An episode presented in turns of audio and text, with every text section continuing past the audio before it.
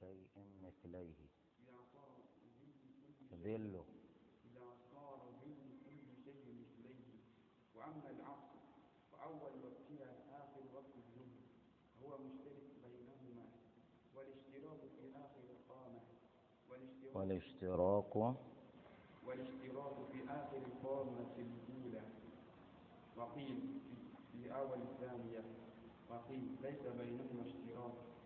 وفاقا للشافعي وقال أبو حنيفة أول وقتها بعد القامتين وأما آخر وقتها فهو في ظل كل شيء مثليه وفاقا للشافعي. وقيل اضطراب الشمس وفاقا لابن حنبل. وقال أهل الظاهر إلى غروب الشمس.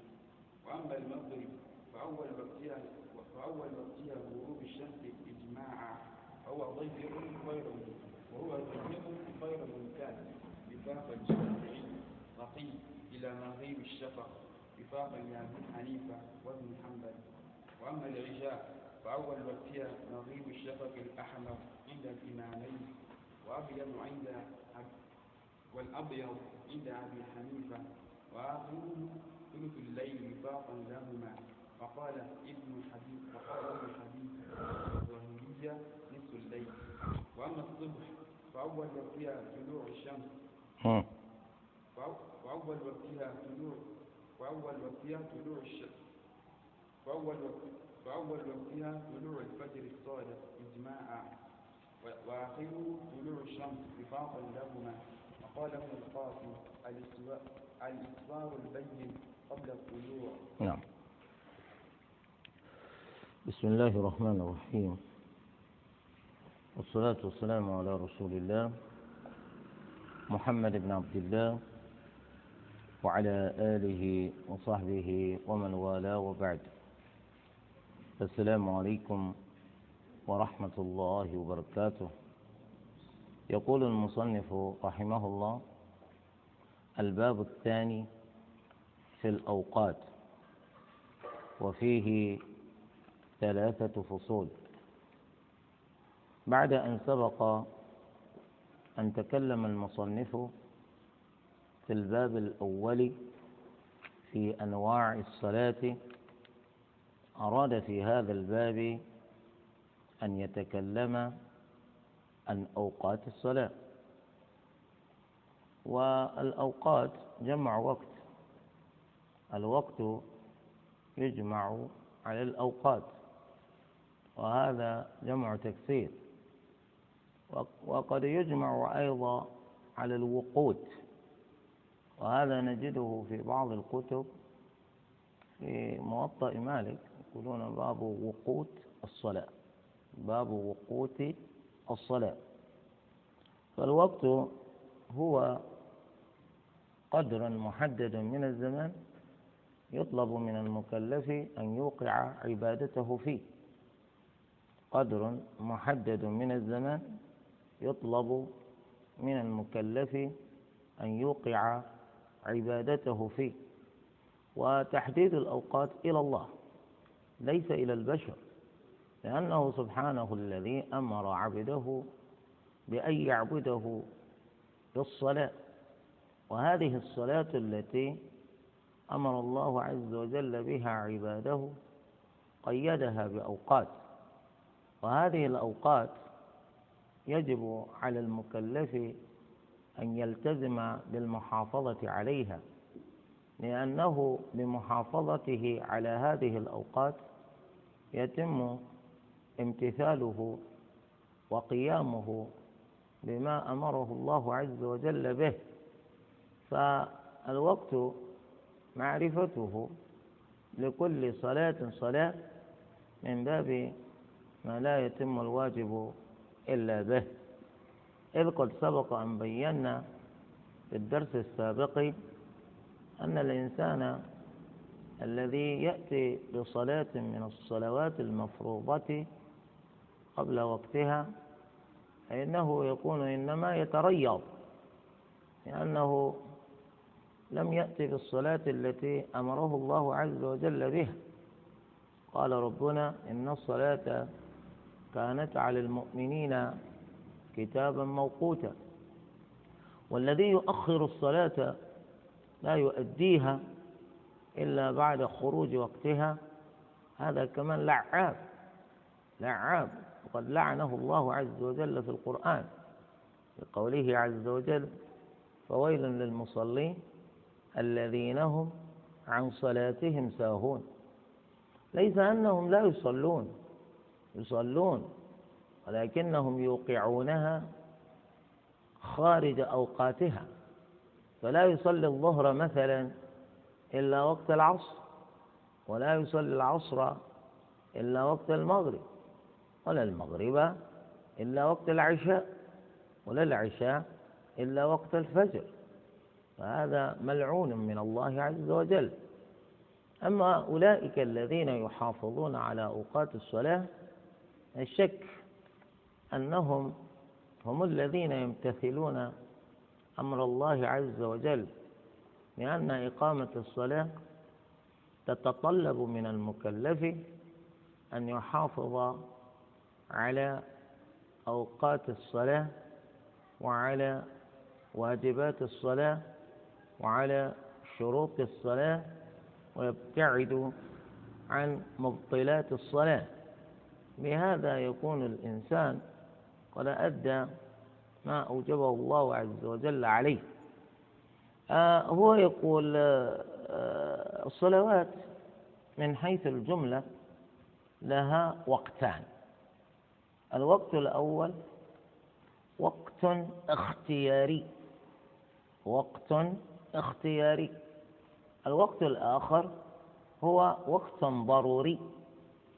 الوقت الاختياري هو الوقت الذي يحبذ للمكلف أي يؤدي صلاته فيه. الوقت الذي يحبذ للمكلف أن يؤدي صلاته فيه. لعموم ما في قول الله عز وجل إن الصلاة كانت على المؤمنين كتابا موقوتا. في هذه الآية حث للمؤمنين على إقامة الصلوات في أوقاتها. حث على المؤمنين حث للمؤمنين بإقامة الصلوات في أوقاتها. كذلك فويل للمصلين الذين هم عن صلاتهم ساهون. يفهم من هذه الآية أن أولئك الذين يؤدون صلواتهم في أوقاتها خارجون من هذا الويل خارجون من هذه اللعنة. أي الله لا يلعنهم هم. إنما لعن ربنا أولئك الذين يؤخرون الصلوات عن أوقاتها. حتى لا أكون داخلا في أولئك الذين لعنهم الله عز وجل. فعلي أن أحافظ على الاتيان بصلواتي في أوقاتها. كذلك قول النبي صلى الله عليه وآله وسلم حين سأله عبد الله ابن مسعود رضي الله عنه عن أي الأعمال أحب إلى الله عز وجل. فأجابه النبي صلى الله عليه وسلم بقوله الصلاة لوقتها الصلاة لوقتها. فهذا الوقت الاختياري إذن هو الوقت الذي يحبذ للإنسان أن يأتي بصلاته فيه. كذلك جاء في رواية أخرى لهذا الحديث أن النبي صلى الله عليه وسلم أجابه بما هو أصرح من الأول فقال الصلاة لأول وقتها. الصلاة لأول وقتها. إذا هذا هو الوقت الاختياري. هذا الوقت الاختياري كذلك ليس بوقت ضيق. ليس بوقت ضيق في حق أكثر الصلوات بل في حق الصلوات كلها. ولكن على حسب على حسب ما جاء عند المالكية الوقت الاختياري هو آه هو هو هو وقت موسع في في حق أكثر الصلوات. وإن لم يكن ذلك كذلك في حق الصلوات كلها لكن في حق أكثر الصلوات. يعني مثلا الوقت الاختياري للظهر موسع كذلك العصر. كذلك الأمر في آه، العشاء وكذلك في الفجر. وإنما آه، الوقت الاختياري لصلاة المغرب عند المالكية مضيق. الوقت الاختياري لصلاة المغرب عند المالكية مضيق. على كل حال بدأ بالظهر لأن النبي صلى الله عليه وآله وسلم أول ما فرض الله عز وجل عليه الصلاة آه، كانت صلاة الظهر الصلاة الأولى التي صلاها النبي صلى الله عليه وآله وسلم. وقد تم ذلك بإمامة جبريل عليه السلام للنبي صلى الله عليه وآله وسلم في تلك الصلاة. جبريل عليه السلام هو الذي جاء. فأما النبي صلى الله عليه وسلم في صلاة الظهر واصطف الصحابة خلف النبي صلى الله عليه وسلم مقتدون بالنبي صلى الله عليه وآله وسلم.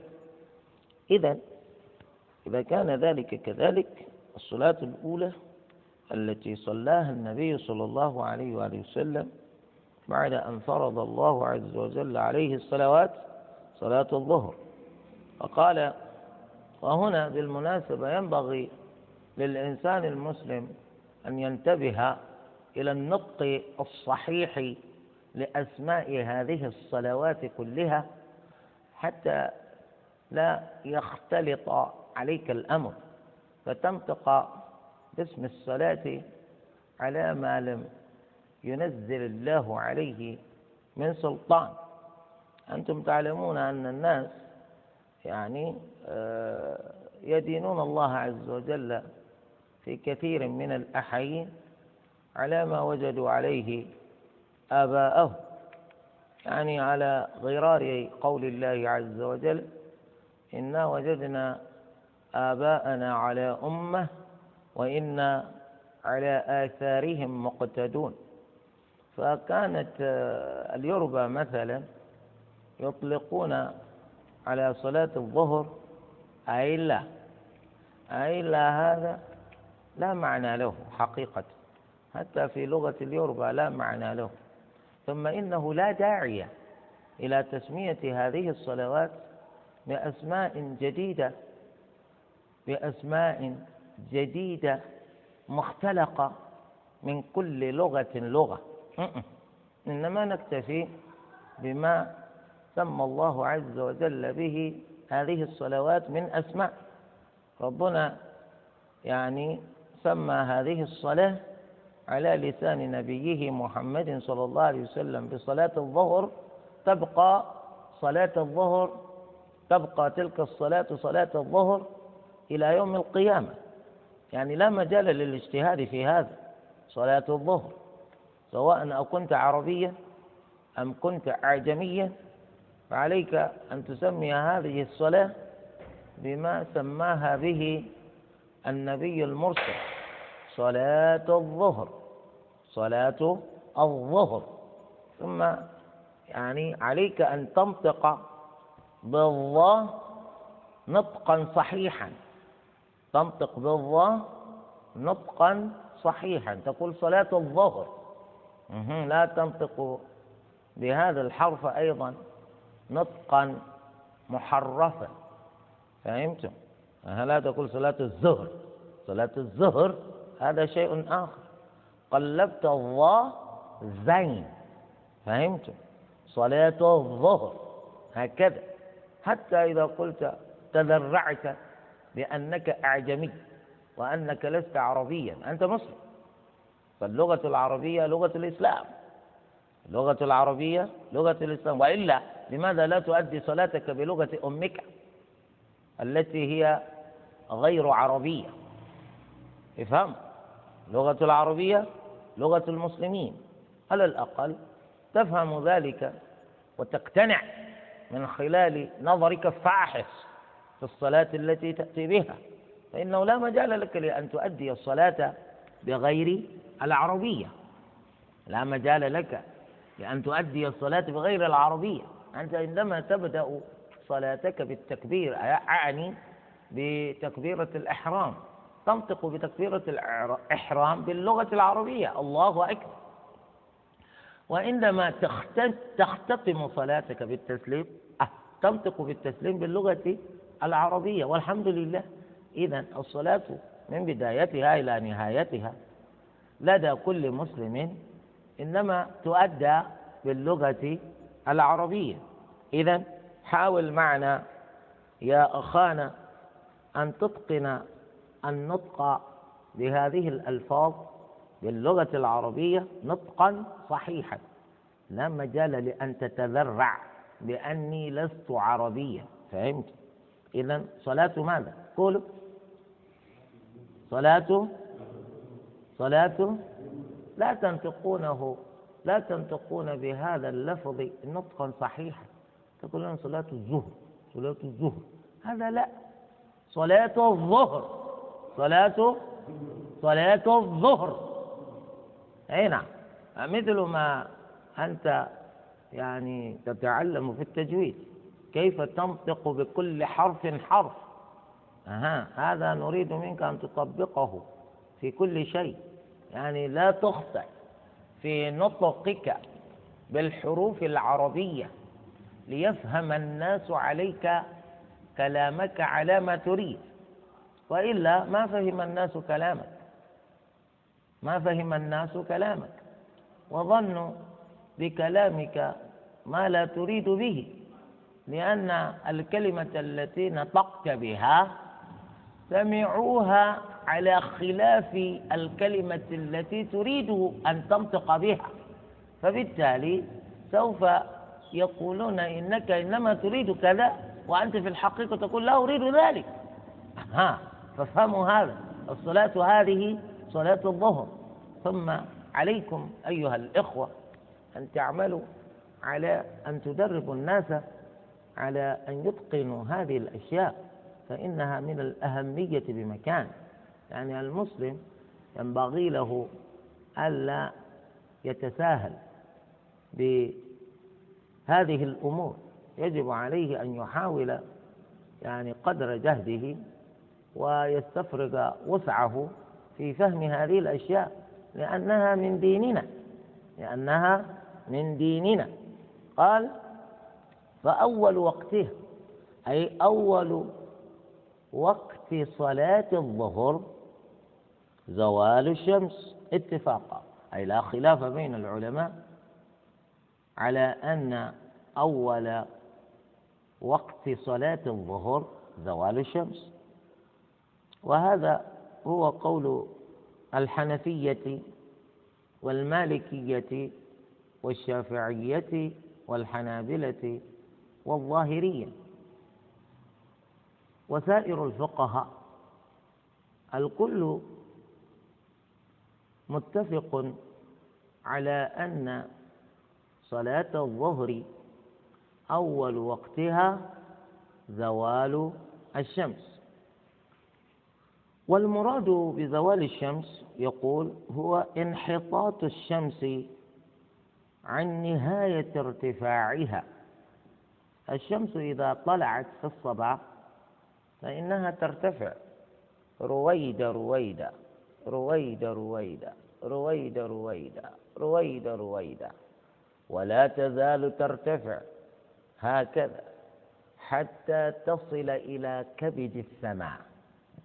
فإذا وصلت الشمس في ارتفاعها إلى كبد السماء ذلك حين تقوم الظهيرة قائمة الظهيرة. في هذا الوقت يقال إن الشمس إن الشمس في كبد السماء فقد قامت قائمة الظهيرة. تجدون أن الإنسان وقتئذ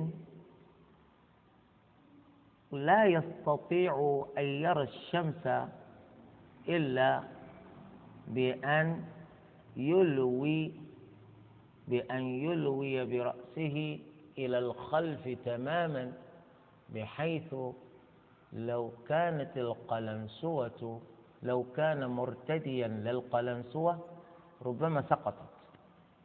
يعني إذا أراد أن ينظر إلى الشمس فإن قلنسوته تتحلل إلى السقوط لأن الشمس في رابعة السماء في كبد السماء. هذا الوقت تكون الشمس قد بلغت ذروتها في الارتفاع. بعد ذلك تأخذ الشمس في الانحطاط أي تميل نحو الزوال. تميل نحو الزوال. في هذا الوقت تجدون أن الظل حين وصل الشمس وصلت الشمس إلى كبد السماء قد قصر إلى أقصى الحد. ظل كل شيء قد قصر إلى أقصى الحد. صار قصيرا جدا. فإذا زالت الشمس يبدأ الظل في الازدياد. يبدأ الظل في الازدياد. فإذا بدأ الظل في الازدياد فقد زالت الشمس. فقد زالت الشمس. هي دقائق محدودة ويسيرة جدا. يعني بين أن تكون الشمس في كبد السماء وبين أن تزول دقائق محدودة جدا. إذا هذا هو الزوال.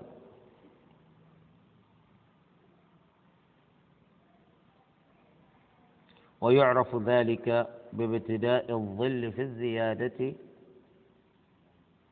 بعد انتهائه في النقصان. يعني يكون الظل قد بلغ في النقصان غايته.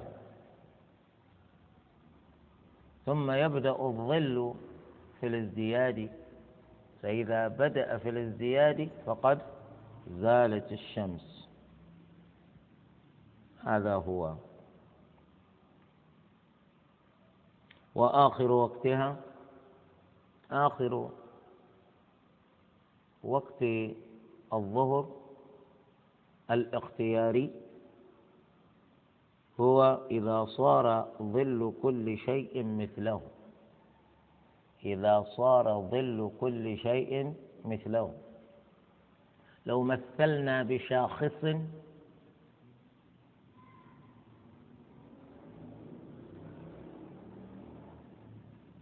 هو العصا وضعناها في الشمس. ولاحظنا كيف ينقص ظلها ويزداد. نجد أن ظل العصا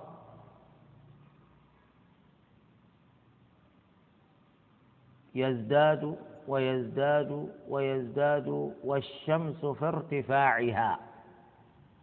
حتى إذا ما وصلت الشمس إلى كبد السماء وفي طريقها للوصول إلى كبد السماء يبدأ الظل في النقصان. يبدأ الظل في النقصان. حتى إذا وصل في نقصانه غايته علمنا أن الشمس الآن في كبد السماء. ثم نلاحظ أن الظل صار صار ناقصا إلى أقصى الحد. ليس مضمحلا. ليس مضمحلا. أي ليس ممحوا. أي ليس ليس زائلا. ليس زائلا. ليس منسوخا. لا زال باقيا. ولكنه قد وصل في النقصان غايته.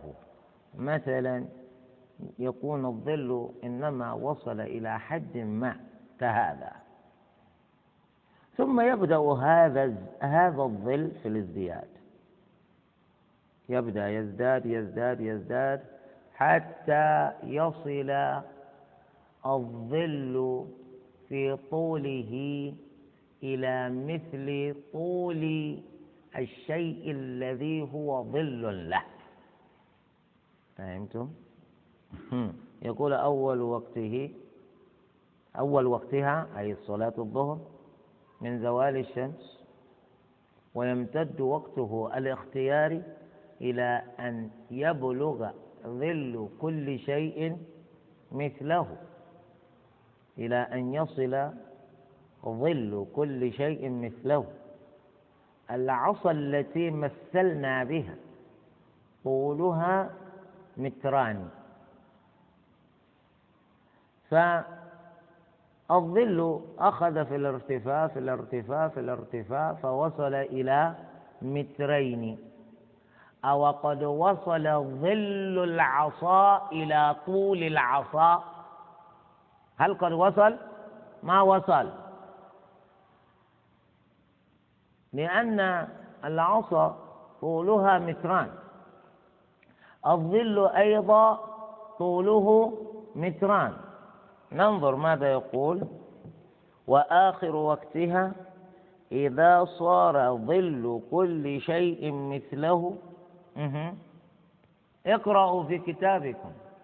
إذا صار ظل كل شيء مثله بعد القدر الذي زالت زالت عليه الشمس. انتبهوا. هذه العصر طولها متران الظل وصل في ارتفاعه إلى مترين. نقول إلى الآن لم يصل ظل العصا إلى طول العصا. لأنه يقول وآخر وقتها إذا صار ظل كل شيء مثله بعد القدر الذي زالت عليه الشمس. هذا القدر هو الذي زالت عليه الشمس. فالقياس يبدأ من هنا ليس من تحت. القياس يبدأ من حيث وصل الظل حين زوال الشمس. فمن هنا تقيس. من هنا إلى حيث وصل الظل وصل ظل العصا. أو قد وصل إلى مترين؟ نعم وصل إلى مترين. فتقول الآن جاء آخر وقت صلاة الظهر. وبه دخل أول وقت صلاة العصر. إذا في الحقيقة الظل في آخر وقت صلاة الظهر يكون أطول من الشاخص. يكون الظل في الحقيقة حين يخرج وقت صلاة الظهر أطول من الشاخص. أطول من الشيء لأننا نضيف إليه القدر الذي زالت عليه الشمس. فطول الشاخص متران فإذا وصل الظل إلى مترين دون إضافة القدر الذي وصل إليه الظل حين الزوال نقول الآن خرج وقت الظهر. فإذا انضاف ما زالت عليه الشمس من الظل إلى ما وصل إليه الظل حين قلنا لقد بلغ الظل في طوله مثل الشاخص. يكون الظل في الحقيقة وقتئذ أطول من الشاخص. بأي قدر؟ بقدر الذي عليه الظل بعد الزوال. فهمتم؟ إذا ولذلك نقول ينبغي للإنسان الذي يحرص على أن يتفقه في دين الله أن يكون صاحب فهم جيد لنصوص كلام العلماء لأنهم يتكلمون في الفقه ويقصدون إعمال كل حرف ذكروه. كل حرف يذكره العلماء في كتب الفقه يريدونه. يعني لا يتكلمون في الفقه كأنهم يتكلمون في الجريدة. فهمتم؟ الكلام في الفقه ليس كالكلام في غيره من العلوم. لأن صاحب الفقه إنما يتناول بكلامه أحكام الله عز وجل. فبالتالي فهو يزن الكلمات كما يزن الحروف التي يتكلم بها. فإذا لم تنتبه لهذا وأنت تكلم الناس في أوقات الصلاة فإنك في الغالب تقول للمخاطبين إن وقت الظهر يبدأ بزوال الشمس وينتهي ببلوغ ظل كل شيء طوله. فإذا كان طول الشيء مترا ووصل ظله إلى متر فقد خرج وقت الظهر. فهمتم؟ وهذا الكلام خطأ لأنك لا تفهم كثيرا مما تقرأ. وهذه مشكلة الناس. لأنهم إنما يتعلمون على عجالة. يتعلمون على عجالة. أكثرهم لا روية عندهم. يظن أنه يستطيع أن يأخذ العلم باستعجال وأنه يريد أن يصنف في سلك أهل العلم بين عشية وضحاها. فلذلك انظر إلى هذا الكلام. قوله بعد القدر الذي زالت عليه الشمس. كثير من الناس لا يهتم بمثل هذا لأنه لا يفهمه فيغفله. لا يفهمه فيغفله ويقول ما يحتاج ما نمشي نمشي مشي الحال. والعلم لا ينال هكذا. أنت كطالب العلم تنتبه لكل كلمة لأنهم في الفقه لا يتفوهون بكلمة إلا ويريدونها. إلا ويريدونه. هذا هو. فلذلك لو سألتكم الظل في الحقيقة ظل كل شيء في الحقيقة في آخر وقت صلاة الظهر إذا قيس الظل من الأساس هل يكون مثل الشاخص أو أطول من الشاخص. ماذا يكون جوابكم؟ إذا قيس من الأساس يكون أطول من الشاخص. يكون أطول من الشاخص. الشاخص ما يمكنك أن ترى ويمكنك أن تلمس. هذا يقال له شاخص. ولذلك حتى الإنسان يقال له شخص. فهمتم؟ إذا الشيء هذا ظله يكون أطول منه في آخر وقت صلاة الظهر إذا كان قياسنا للظل إنما بدأ من أساس الشاخص من أساس الشاخص. وإنما كلام العلماء حين حددوا آخر وقت صلاة الظهر بما إذا بلغ ظل كل شيء مثله إنما يتناول كلامهم هذا ما انتهى إليه الظل ما انتهى إليه الظل حين زالت الشمس. أي من هناك يكون القياس إلى الأعلى فإذا وصل هذا إلى إلى مثل طول ظل إلى مثل طول الشاخص نقول خلاص. الآن خرج وقت الظهر. لكن إذا أضفنا إلى هذا الطول ما عليه الظل وقت زوال الشمس في الحقيقة يكون ذلك الظل أطول من الشاخص. هذا هو. قال الإمام أبو حنيفة. طبعا كل فقيه بفهمه هو. هذا فقه. الفقه هذا هو معرفة الأحكام الشرعية التي طريقها الاستنباط. معرفة الأحكام الشرعية التي طريقها الاستنباط. أنت الذي تستخرج هذا الحكم من المصادر الشرعية للأحكام. أنت تستنبط هذا الحكم من الكتاب أو تستنبطه من السنة أو تستنبطه من مصدر آخر كالإجماع أو القياس أو من المصادر من المصادر المختلف فيها. فهمتم؟ أنت كفقيه تأتي إلى هذه المصادر. تستخرج هذا الحكم بالاستنباط. آه، فهمك للنصوص يختلف عن فهم غيرك لتلك النصوص. الناس يتفاوتون في هذا. فبهذا آه، كمان يتميز الناس. يتميز زيد من الناس عن عمر منهم. وإذا جاءهم أمر من الأمن أو الخوف أذاعوا به.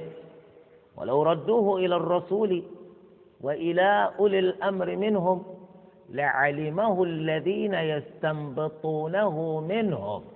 إذا يوجد من الناس الذين يستنبطون الأحكام. هؤلاء هم الجهابذة كبار العلماء. الذين حباهم الله عز وجل بالفهم الثاقب وبالنظرة الفاحصة في في النصوص الشرعية يستطيعون أن يستنبطوا هذه الأحكام من مصادرها. ففهم الإمام مالك ليس كفهم الإمام أبي حنيفة وكذلك فهم الإمام أبي حنيفة ليس كفهم الإمام الشافعي.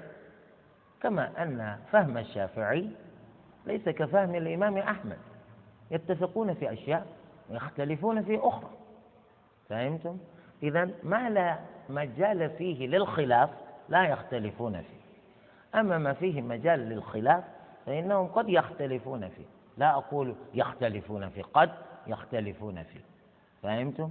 فالإمام أبو حنيفة رحمة الله عليه هو يرى أن آخر وقت صلاة الظهر إذا صار ظل كل شيء مثلي. الله. إذا وقت الظهر عند الإمام أبي حنيفة ممتد جدا. وقتها ممتد جدا. فهمتم؟ أها على قوله هذا يكون وقت الظهر إلى حد هذا الوقت الذي نحن نلقي فيه الدرس باقيا. فهمتم؟ ما دخل وقت العصر بعد.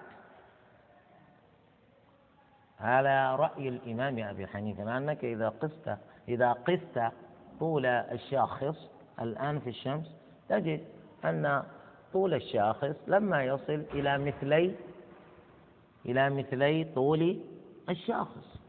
تجد أن الظل لم يصل إلى مثلي طول الشاخص. والإمام أبو حنيفة يقول وقت الظهر ممتد. لكن قوله هذا حقيقة ويستند في ذلك على حديث إلا أن العلماء يقولون إن ذلك الحديث لا يدل على ما يريد. لا يدل على ما يريد. في الوقت الذي الحديث الذي يستند عليه جمهور الفقهاء وأعني بالجمهور هنا آه، المالكية والشافعية والحنابلة الحديث الذي يستندون عليه وكذلك الظاهرية. الدليل الذي يستندون عليه أصرح لأن النبي صلى الله عليه وسلم يقول في الحديث وآخر وقت الظهر إذا صار ظل كل شيء مثله. إذا صار ظل كل شيء مثله. ولا وجود لحديث يقول فيه النبي صلى الله عليه وسلم صريحا وآخر وقت الظهر إذا صار ظل كل شيء مثله. لا يوجد. لا يوجد. إذا هذا الاستنباط الذي أتى به الإمام آه، ليس هو أولى من الألفاظ الصريحة. هذا الاستنباط من الألفاظ التي قد لا تدل على ما يريد. ليس الأخذ بها أولى من الأخذ بالألفاظ الصريحة. هذا اللفظ صريح. وآخر وقت الظهر إذا صار ظل كل شيء مثله. ولا يمكن بأي حال من الأحوال أن يقول الإنسان إن مثله يتحول إلى مثلي. لا في اللغة العربية الكلام واضح. آخر وقت الظهر أن يصير ظل كل شيء مثله أي في الطول. وبهذا يكون كلام الجمهور الذين حددوا آخر وقت الظهر بما إذا صار ظل كل شيء مثله هو الراجح هو الراجح. وذلك لصراحة دلالة السنة الصحيحة على ذلك. ثانيا أن ما ذهب إليه الإمام أبو حنيفة في قوله بأن آخر وقت الظهر إذا صار ظل كل شيء مثلي لا يستند على دليل صحيح صريح لا في الكتاب ولا في السنة. وإنما هو استنباط من مجمل حديث جاء عن النبي صلى الله عليه وآله وسلم. والمقرر في الشريعة الإسلامية أن المفصل المبين مقدم على المجمل. الدليل المفصل الدليل المبين مقدم على المجمل. لأن المجمل يحتمل ما لا يحتمله ما لا يحتمله المبين. يحتمل ما لا يحتمله المبين. هذا ما يتعلق بصلاة الظهر. وأما العصر صلاة العصر اسمه هكذا. صلاة العصر. هكذا سماها النبي صلى الله عليه وآله وسلم. فصلاة العصر أول وقتها آخر وقت الظهر. أول وقت العصر آخر وقت الظهر. فيا ترى ما آخر وقت الظهر؟ على ما سبق آخر وقت الظهر إذا صار ظل كل شيء مثله بعد القدر الذي زالت عليه الشمس. إذا هذا آخر الظهر وهو أول العصر. فاشتركتا اشتركت الصلاتان. في آخر وقت أحدهما الذي هو أول وقت الأخرى. اشتركتا في هذا الوقت. فلذلك فقهاء المالكية يقولون بين الظهر والعصر وقت مشترك وقت مشترك إذا وهو مشترك بينهما آه وهو مشترك بينهما أي آخر آخر الظهر هو أول العصر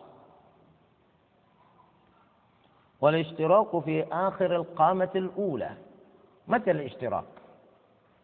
في آخر القامة الأولى أي إذا صار ظل كل شيء مثله.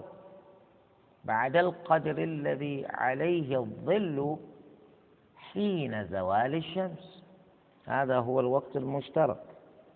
القامة الأولى ليس إذا صار ظل كل شيء مثلي أو إذا صار مثله والربع أو مثله والنصف أو مثله وثلاثة أرباع.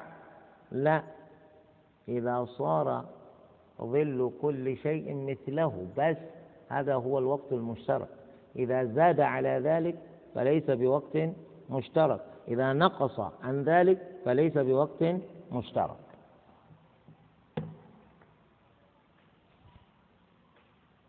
وقيل هذا قول ثاني في المذهب المالكي في أول الثانية. أي في أول وصول الظل إلى مثلي القامة إلى مثلي القامة. إذا كان طول الشاخص مترا. القول الأول يقول الوقت المشترك بين الظهر والعصر إذا بلغ الظل مترا. بعد القدر الذي وصل إليه حين الزوال هذا الوقت المشترك. القول الآخر يقول لا. إذا وصل الظل مترين. مترين بالضبط. هذا هو الوقت المشترك. فهمت؟ أها. وإذا قيل في الفقه قيل. هذا قد يدل على التنويع. أي يوجد أنواع من الكلام أنواع من الأقوال في هذه المسألة. أو يدل على التمريض يدل على أن القول الآخر ضعيف. فهمتم؟ على أن القول الآخر ضعيف. وهذا هو. هذا قيل هنا يدل على الأمرين. يدل على التنويع والتمريض. أي أنه يوجد قول آخر في المسألة في المذهب ولكن ذلك القول الآخر ضعيف. فهمتم ضعيف لماذا؟ لأنه آه، أصلا الوقت المشترك هذا إنما يكون وفق ما جاء في الحديث. وفق ما جاء في الحديث. الحديث ذكر أن الظهر آخر وقتها إذا إذا صار ظل كل شيء مثله. وهو ذكر أيضا نفس الحديث أن أول وقت العصر إذا كان ظل كل شيء مثله. إذا هذا الوقت الذي ذكر كآخر وقت الظهر هو نفسه الذي ذكر كأول وقت العصر. هذا هو الاشتراك. هذا هو الاشتراك. من هنا جاء القول بالاشتراك. وإلا الحديث ما قال آه، آخر وقت الظهر إذا صار ظل كل شيء مثليه وهو أول وقت العصر. ما في حديث ذكر هذا. إذا هذا يدل على أنه يوجد قول آخر وأن ذلك القول الآخر ضعيف. هذا هو. وقيل في أول الثانية وقيل هذا قول ثالث. هذا القول الثالث أيضا داخل المذهب المالكي لأن الذي كتب الكتاب مالكي هو أولا يحكي ما عنده ثم يستطرد بذكر ما عند غيره في المذاهب الأخرى. قال وقيل ليس بينهما اشتراك. هذا قول في المذهب المالكي أيضا. إذا تعددت الأقوال في المذهب المالكي يقال له قول قول قول قول أقوال. هذا التعبير لا بد من معرفته. أما إذا تعددت الأقوال في المذهب الشافعي. قد يقال له قول وقد يقال له وجه. إذا كان ذلك القول إنما صدر من إمام المذهب نفسه. كأن يكون للإمام الشافعي في المسألة الواحدة قولان. فنقول وبه قال الشافعي في قول وقال في قوله الآخر. فهمتم؟ والقول هذا لا يأتي هكذا. سبهللة عند الشافعية لا بد أن يقيد. يقال وبه قال الشافعي في القديم. وقال في قوله الجديد فهمتم؟ وهل إذا إذا إذا إذا إذا كان للشافعي في المسألة الواحدة قولان قديم وجديد بماذا تكون الفتوى يا ترى؟ في المذهب الشافعي خلاف بينهم وقد فصل الإمام النووي رحمة الله عليه القول في ذلك في مقدمة كتابه المجموع. المجموع شرح المهذب. ذكر الإمام الشافعي أن ذكر الإمام النووي رحمة الله عليه بأن الإمام الشافعي رحمه الله إذا كان له في مسألة من المسائل قولان فإن الفتوى تكون على قوله الجديد. الفتوى عند الشافعية تكون على قوله الجديد إلا في مسائل. فحدد وعدد تلك المسائل في بداية كتابه المجموع حتى تعلم. أن الفتوى على القديم في هذه المسائل. أما في غير هذه المسائل فالفتوى دائما على الجديد. يأتي أتباع الشافعي من العلماء الذين وصلوا في العلم غاية.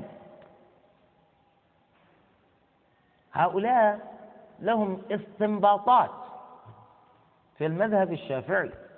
قالوا بأقوال ما قال بها الإمام الشافعي إلا أنهم لم يصلوا إلى القول بهذه الأقوال إلا استنباطا واستنادا إلى أقوال للإمام الشافعي وسيرا على أصول الإمام الشافعي. وهذا يقال له تخريج أن تخرج القول على أصول إمامك الذي تقلده. هذا يقال له تخريج. الشافعية من أكثر الناس تخريجا. يأتون بأقوال. ما قالها إمامه؟ تخريجا على أصول إمامه. فلذلك هذا إذا كان تخريجا ممن جاء بعد الإمام الشافعي لا يقال له قول يقال له وجه. ولنا في ذلك وجهان. ولنا في ذلك ثلاثة وجوه ولنا في ذلك أربعة وجوه. هكذا يقول الشافعية قد يقول لك فيه طريقان الطريقة الأولى فيها وجهان الطريقة الأخرى فيها ثلاثة أوجه. فهمتم؟ هذا الاصطلاح الشافعي. عند المالكية طبعا يكون للإمام مالك أيضا في المسألة الواحدة أكثر من قول. في مثل هذا نعبر عن ذلك بأنه وبه قال مالك في رواية وقال في رواية أخرى لا نقول جديد ولا قديم وبه قال مالك في رواية وقال في رواية أخرى فهمتم؟ أما إذا قلنا وبه قال المالكية لا يلزم, لا يلزم من ذلك أن يكون الإمام مالك هو القائل فهمتم؟ إذا قلتم وبه قال المالكية لا يلزم من هذا التعبير أن يكون الإمام مالك واحدا من القائلين. قد يكون بريئا منه ما قال. لكن نقول هو قول المالكية. فهمتم مالكية أعم من مالك. وإذا كان للمالكية في المسألة أكثر من قول نقول وبه قال المالكية في قول وقالوا في قولهم الآخر وفي قولهم الثالث لكن نميز. نقول وبه قال المالكية في المشهور. المشهور هذا هو الذي يكون علي تكون عليه الفتوى. هو الذي تكون عليه الفتوى. أو يقول لك وهو المعتمد وهو المعتمد أي عليه فتاوانا. لا نخرج عن هذا. إذا جيد. عند الحنابلة الحنابلة لا يختلفون كثيرا عن الشافعية.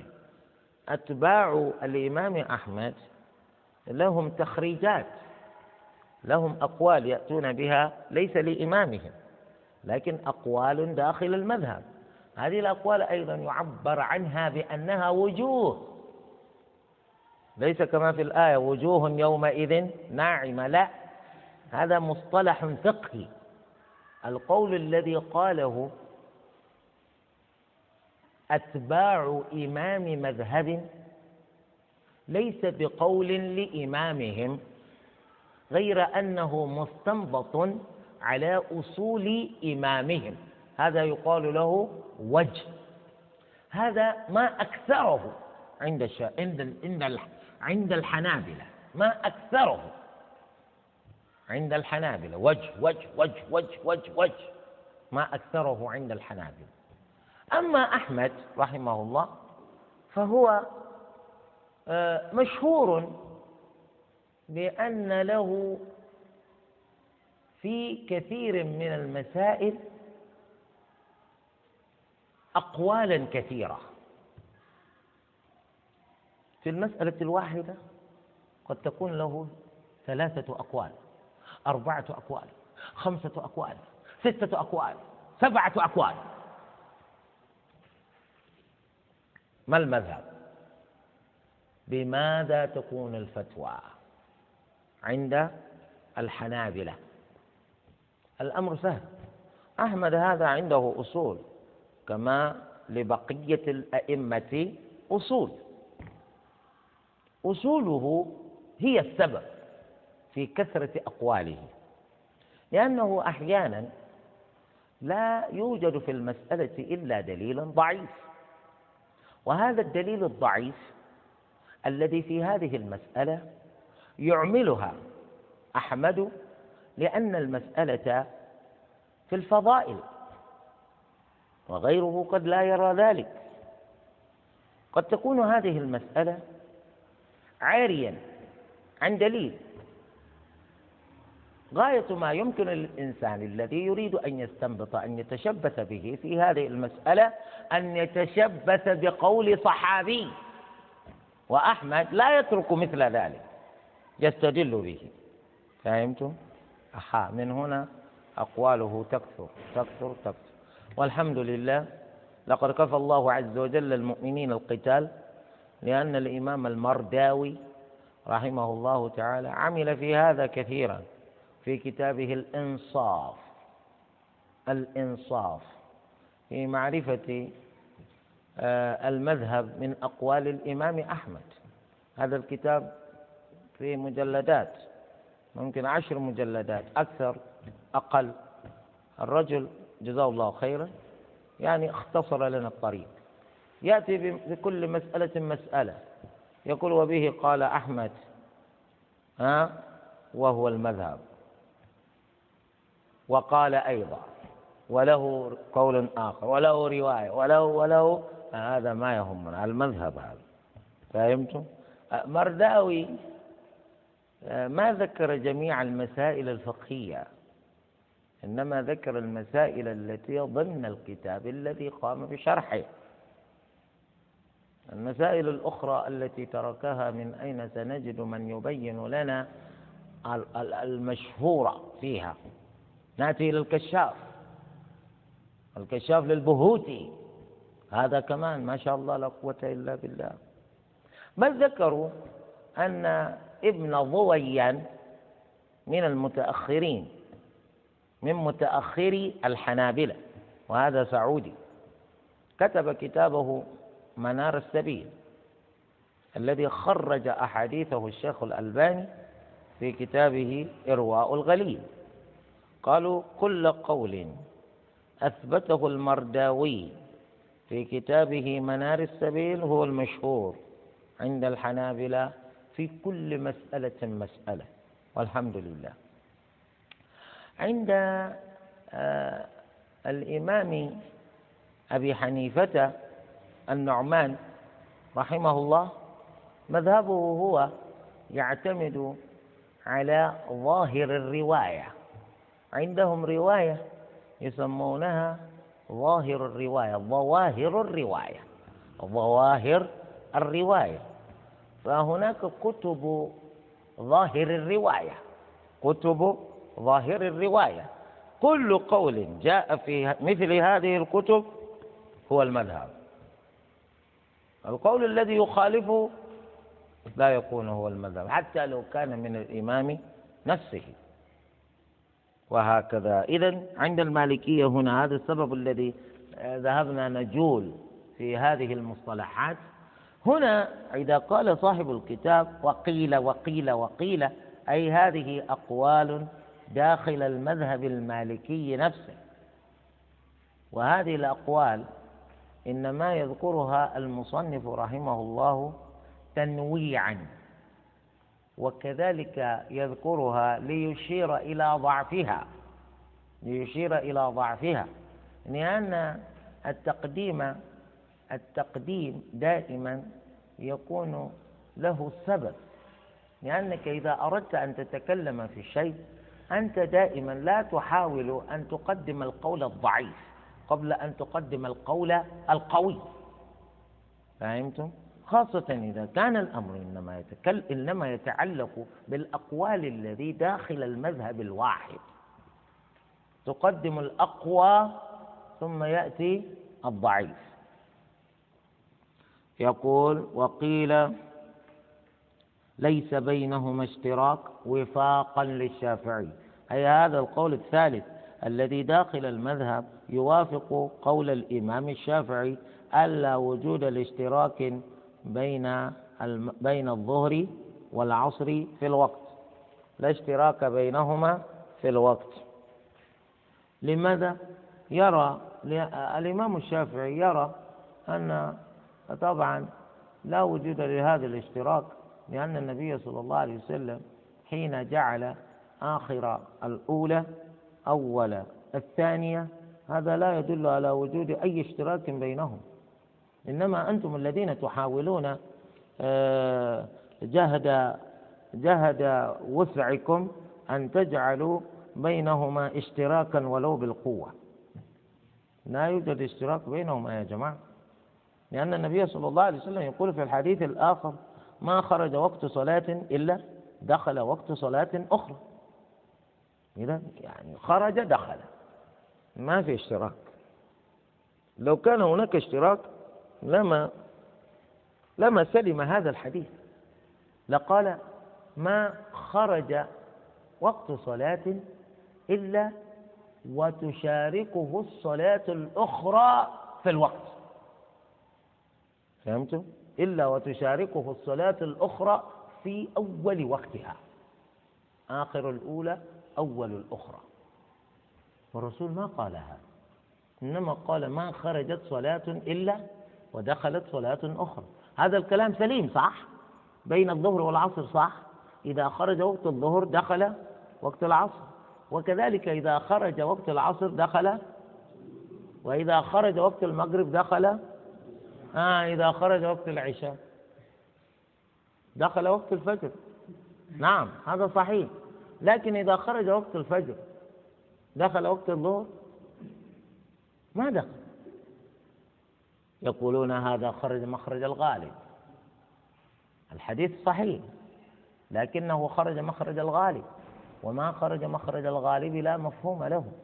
أي ما خرج ما خرجت صلاة ما خرج وقت صلاة أي في الغالب إلا ودخل وقت صلاة أخرى غالبا. لأن خروج صلاة واحدة لا يخرم علينا هذا الحديث أبدا. فهمتم؟ لأن الحكم دائما للغالب ليس للنادر الأقل. الحكم للغالب ليس للنادر الأقل. المالكية الذين قالوا بين الصلاتين اشتراك قالوا انظروا إلى قوله في تحديده لآخر الظهر هو هو قوله في تحديده لأول العصر. فهمتم يا جماعة؟ إذا نحن نسمي هذا الوقت وقتا مشتركا. أنتم سموه وقتا غير مشترك ولا مشاحة في الاصطلاح. فهمتم؟ فالخلاف إذن لفظي. الخلاف إذن لفظي وليس جوهريا وليس جوهريا هذا هو. وقال أبو حنيفة أول وقتها أول وقت العصر بعد القامتين إذا وصل ذل كل شيء مثليه. هذا آخر وقت العصر يا إمام. فهمتم؟ يكون وقت العصر الآن يدخل عند الإمام أبي حنيفة. ولذلك لو سافرت مثلا إلى بلاد آه، تفقهوا على فقه الإمام أبي حنيفة لا تستغرب هذا فائدة العلم. تعلم أن هؤلاء ربما لا يؤذنون للعصر إلا في الخامسة والربع. يؤذنون للعصر في الخامسة والربع وهذا أول الوقت عندهم. نحن قد صلينا العصر الآن يعني قبل أكثر من ساعتين. أولئك يكونون يؤذنون للعصر الآن. لا تقول هؤلاء مجرمون يؤخرون الصلاة عن وقتها. هؤلاء فهموا على إمام آه، مفاد ما فهموا منه هذا الذي يطبقونه. فهمتم؟ هذا هو. وأما آخر وقتها طبعا هو ما جلس ليناقش. صاحب الكتاب ما جلس ليناقش إنما يذكر الأقوال. أنت إذا فهمت أنه قيل وقيل وقيل أنت الذي تبحث عن دليل. فهمت؟ الإمام أبو حنيفة له دليل وهو نفس الدليل الذي استعمل لصلاة الظهر. فهمتم؟ والصواب أن ذلك الحديث ليس صريحا. في دلالته على المدعى. والدليل إذا لم يكن صريحا على المدعى لا يكون الأخذ به أولى من الأخذ بالأدلة الصريحة. فلذلك رغم إجلالنا للإمام أبي حنيفة إلا أننا لا نجد مندوحة بأن نقول إن قوله هنا في تحديده لأول العصر أيضا ليس صحيحا لأنه يعارض صريح السنة. السنة الصريحة تقول والعصر أول وقتها حين يصل ظل كل شيء مثله وهو آخر وقت الظهر. وإنما يخرج الوقت الاختياري للعصر إذا وصل ظل كل شيء مثليه. كيف نجعل وقت خروج الصلاة أول وقت دخول تلك الصلاة؟ لا شتان شتان ما بين هذا وهذا. ثم إننا مطالبون بأن نسارع إلى الإتيان بالأعمال التي تؤدي بنا إلى نيل مغفرة الله وتؤدي بنا إلى دخول الجنة. الأولى في مثل هذا أن نأخذ بالأحاديث الصريحة. نصلي في أوقاتها يا جماعة. نعم.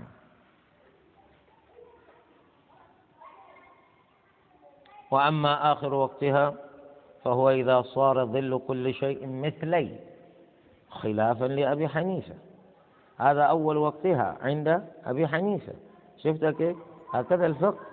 هذا يقول خلاف ما يقول الآخر تماما. والصواب ما ذهب إليه هؤلاء الجمهور.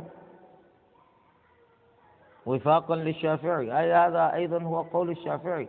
بل هو الحديث. هو الذي دل عليه الحديث.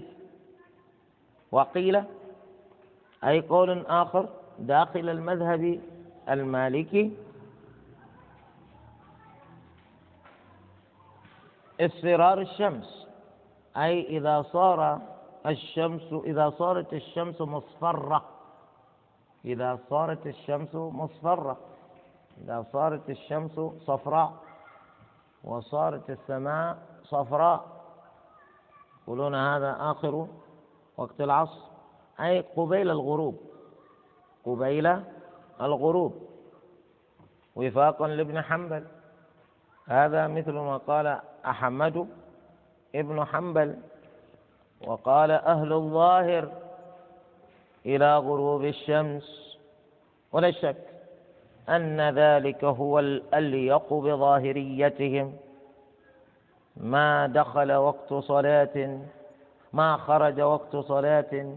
إلا دخل وقت صلاة أخرى. متى يدخل وقت المغرب؟ إذا غابت الشمس صح؟ إذا غربت الشمس. وبهذا يقولون هذا ما, ما, ما, ما رأيتم الأحاديث الأخرى؟ التي تقول آخر وقت العصر إذا صار ظل كل شيء مثلي. إذا نحن نكتفي بهذا القدر. ونعلم الآن أن الظهر آه، الوقت الاختياري لها آه، يبدأ بزوال الشمس وينتهي بوصول ظل كل شيء مثله. وأول العصر إذا صار ظل كل شيء مثله وينتهي بأن يصير ظل كل شيء مثليه. هذا هو الوقت الاختياري. وسوف يأتي الكلام عن الوقت عن الوقت الضروري لكل صلاة من هذه الصلوات. نسأل الله عز وجل أن يعلمنا ما جهلنا وأن يبارك لنا فيما علمنا وأن يزيدنا علما. سبحانك اللهم وبحمدك أشهد أن لا إله إلا أنت أستغفرك وأتوب إليك.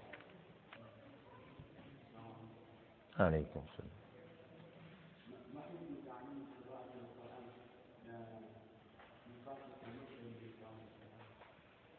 ما حكم تعلم القرآن من معلم فاسق؟ وهو يتقن القرآن. ما ما سبب فسقه ماذا فعل ليصير فاسقا؟ مسبل.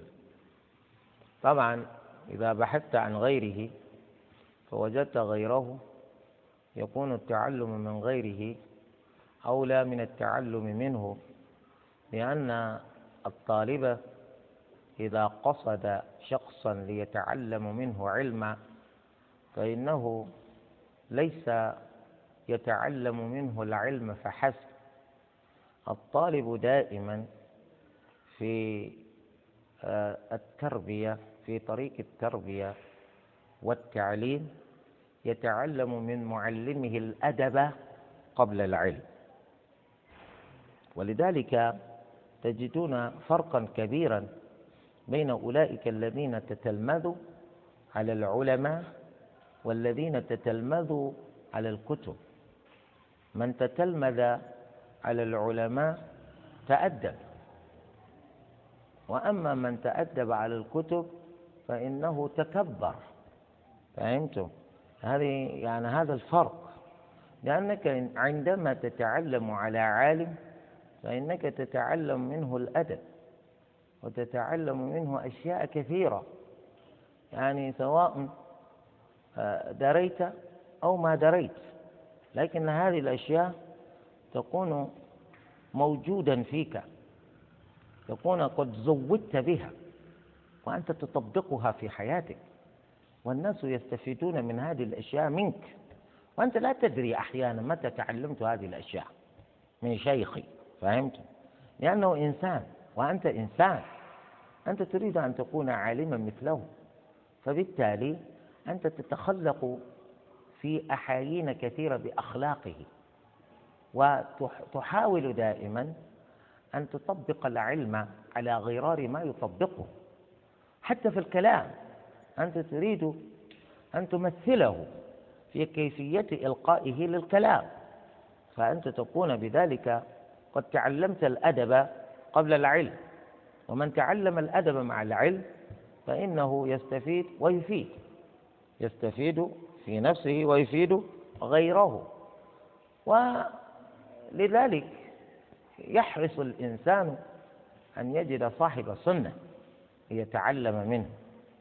أما إذا أعياك الأمر ولم تجد صاحب سنة كل الذين يتعلموا هذا العلم ويعلمونه لغيرهم يعني فسق. فأنت تنظر إلى أقلهم فسقا لتتعلم منه وتتجنب فسقه. تتعلم منه وتتجنب فسقه. وربما تطبق في مثله قول الصحابة إنا لنبش في وجوه أقوام وقلوبنا تلعنه فهمت؟ حتى لا يجد مكانا في قلبك. لأنه إذا وجد مكانا في قلبك فإنك تقلده. فإنك تقلده حيث تشعر وحيث لا تشعر. هذا هو. وأما من يقول انظر إلى علمي ولا تنظر إلى عملي هذه مصيبة.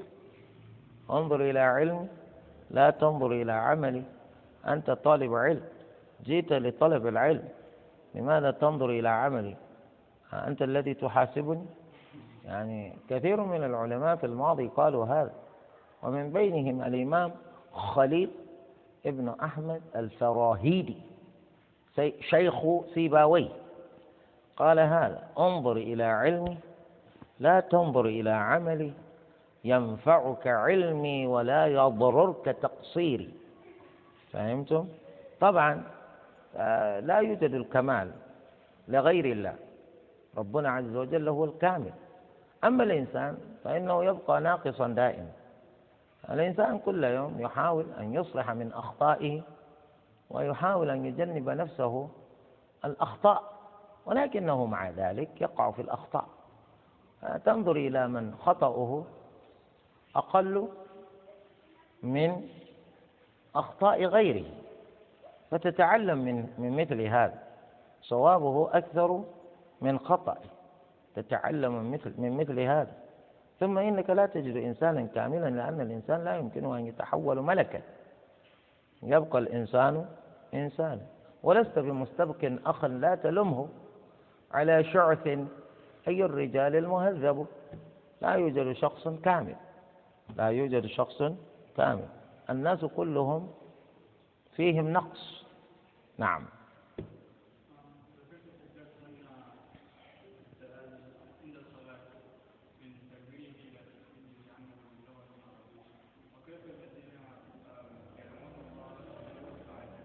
من الذي قال له يدعو باللغة الأعجمية في الصلاة؟ لا أحد قال له. لا أحد أجاز لك ذلك. لا أحد أجاز لك ذلك إنما يفعل ذلك من يفعله جهلا. حتى إذا أردت أن تدعو في صلاتك تدعو باللغة العربية. لا مجال لأن تأتي بأي لغة أخرى في صلاتك. فهمتم؟ هذه العبادة. هذا هو. نعم. ولذلك تذهب تتعلم العربية. لا يهمنا. أنت تتعلم الإنجليزية من أجل الحصول على لقمة العيش صح؟ أنت لا تريد الجنة؟ تريد الجنة تتعلم العربية. لا مجال لأحد أن يدعو الله في الصلاة لا في السجود ولا في التشهد بغير العربية وإلا أنت تلعب تبطل صلاتك والحمد لله. نعم.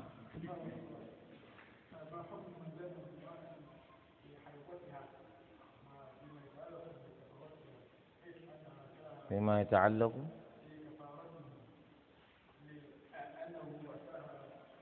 آه، ليست ليس ليس ذلك عذرا. يعني واحد جامع امرأة في حيضها زنى بها في حيضها. هل يكفر أو لا يكفر؟ وكأني بك تقول أيضا هل يقال له زاني أو لا يقال له؟ زان يا أخي. إذا كان زانيا فإن الحد تقام عليه. فإن الحد يقام عليه. يعني الكفارة من الكفارة ماذا تقصد بالكفارة؟ هو يصوم؟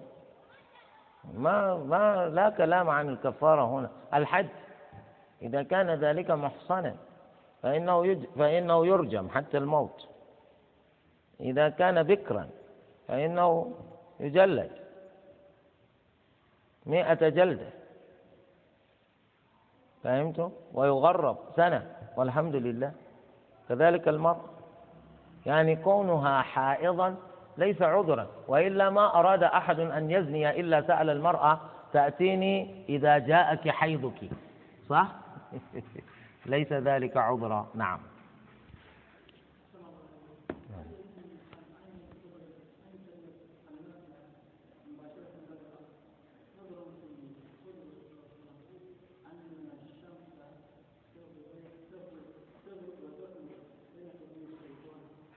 يعني ما ما ما ما هو ما ما, ما هي النافلة التي تريد أن تأتي بها؟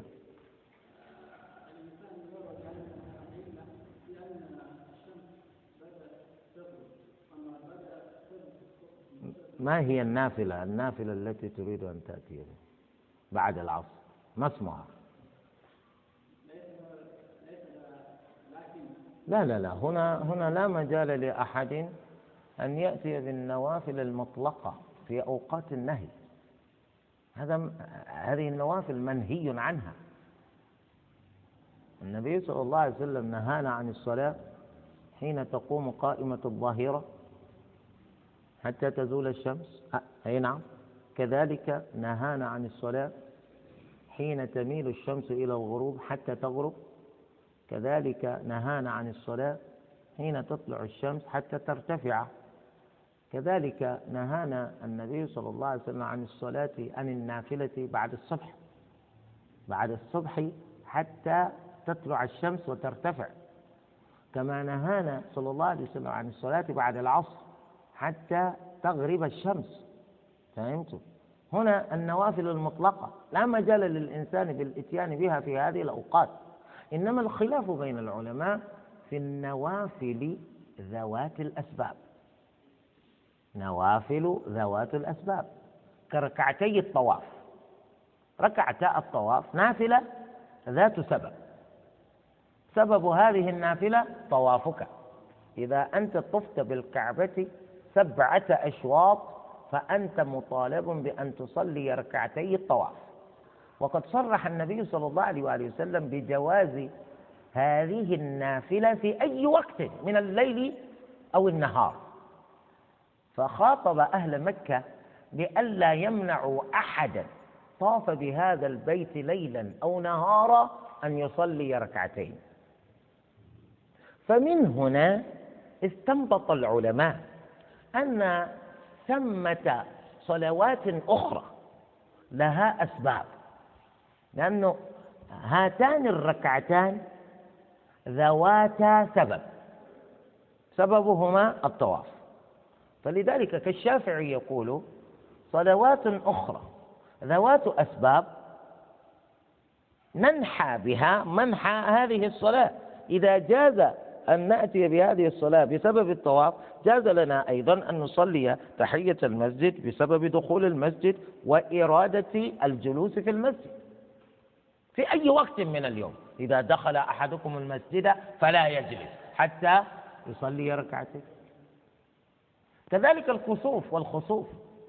إذا وقع شيء من ذلك في وقت النهي فإننا نصلي لأنها صلاة ذات سبب. فهمتم هذا؟ أما غير أمثال هذه الصلوات ذوات الأسباب فلا مجال لأحد أن يأتي بها في أوقات النهي. واحد الآن يقول أنا فاتتني نافلة ما بعد الظهر. أنا أريد أن آتي بها قبل العصر. لا مجال لذلك. أنت تلعب. تقول النبي صلى الله عليه وسلم فعل ذلك ويفعل ذلك. لا أبدا. النبي صلى الله عليه وسلم نهانا عن ذلك. فعلمنا بذلك أن ذلك خاصية من خصائص النبي صلى الله عليه وآله وسلم. فلا مجال لأحد أن أن يتبع النبي صلى الله عليه وسلم في ذلك. لأن النبي صلى الله عليه وسلم حتى بعد ذلك وإن صلى بعد الظهر فإنه يصلي بعد العصر أيضا لأنه كان إذا فعل شيئا دام عليه. هذا هو. فلذلك النافلة المطلقة لا مجال لأحد أن يأتي بها في أوقات النهي. سبحانك الله وبحمدك. أشهد أن لا